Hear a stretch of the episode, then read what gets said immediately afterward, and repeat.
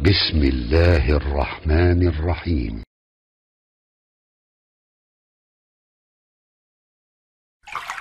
Orang yang rajin tahajud akan mendapatkan empat keutamaan yang tidak didapatkan oleh orang-orang yang tidak tahajud sekalipun sholat fardunya begitu khusyuk. Di antum sholat fardu khusyuk, bagus, tapi nggak tahajud, nggak dapat empat keutamaan itu. Ini sudah saya bahas panjang lebar di pertemuan lalu, saya hanya sebutkan cepat saja. Satu, Allah akan mengangkat karir, pekerjaan atau aktivitasnya di tempat yang terbaik. Ya, ya, jadi kalau antum misalnya pengusaha atau orang karir di kantor dan sebagainya itu akan cenderung kemudian ditolong oleh Allah diangkat ke tempat yang terbaik. Terbaik itu tidak harus puncak yang paling tinggi direktur tidak misalnya. Tapi tempat yang bisa membuat nyaman hidup Anda, sholat bisa nyaman, bergaul juga nyaman, dan tenang kehidupannya. Mungkin level Anda nggak sampai puncak ya direktur utama, mungkin direktur satu dua gitu ya. Tapi Anda dijauhkan dari hal-hal yang maksiat dijauhkan. Sholatnya enak, punya ruangan nyaman dan sebagainya. Dua, Allah akan bimbing setiap ahli tahajud. Allah akan bimbing sehingga menjalani awal pekerjaannya dengan begitu mudah. Wa rabbi adkhilni. Ya Allah, tolong bimbing saya supaya mengawali pekerjaan dengan cara yang benar. Tiga, awas hati-hati. Anda memang posisi tinggi, sekarang dapat proyek. Apakah setiap yang dapat proyek mengalami menjalani pekerjaannya dengan benar? Belum tentu. Jangan tinggi-tinggi lah. Maaf ya, apakah orang tua yang sekarang menyekolahkan anaknya ke tempat belajar menjalani awalnya dengan benar? Hati-hati ya Bu ya, Pak. Bapak Ibu menyekolahkan anak dengan awal yang salah, maka memberikan jalan keburukan ketika dia belajar. Saya katakan jangan pernah Anda masukkan anak Anda ke sekolah dengan menyogok.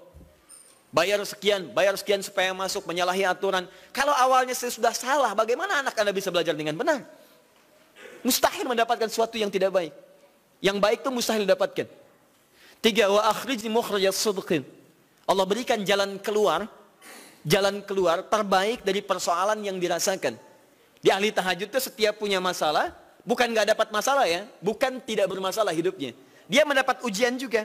Cuman sebelum diuji, diringankan masalahnya. Sehingga seakan-akan nggak punya masalah. Padahal sama dengan yang lain, cuma saat akan dia lalui, Allah ringankan persoalannya sehingga mudah dilalui. Dan yang keempat ini yang hebat. Ya, waj'alni min ladunka sultanan nasira. Allah akan tolong langsung orang ini ketika ada lingkungan sekitar yang akan menyakiti atau menjahilinya. Kalau diisengi orang, diganggu orang dan sebagainya, ini orang-orang seperti ini langsung mendapatkan perlindungan dari Allah Subhanahu wa taala.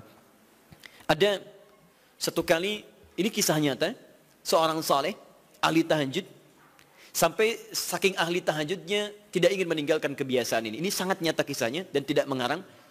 Satu kali Pak, kemudian malam-malam dia perjalanan dengan rombongan. Begitu perjalanan orang-orang tidur sampai dia mengendap-endap kebiasaannya tidak ingin diketahui oleh orang lain.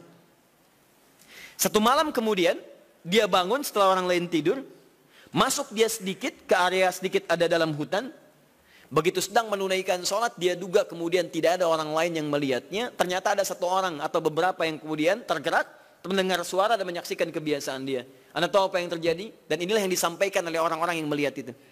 Begitu sedang sholat, teman-teman sekalian, tiba-tiba baru bertakbir malamnya, lompatlah dikisahkan seekor harimau di depannya.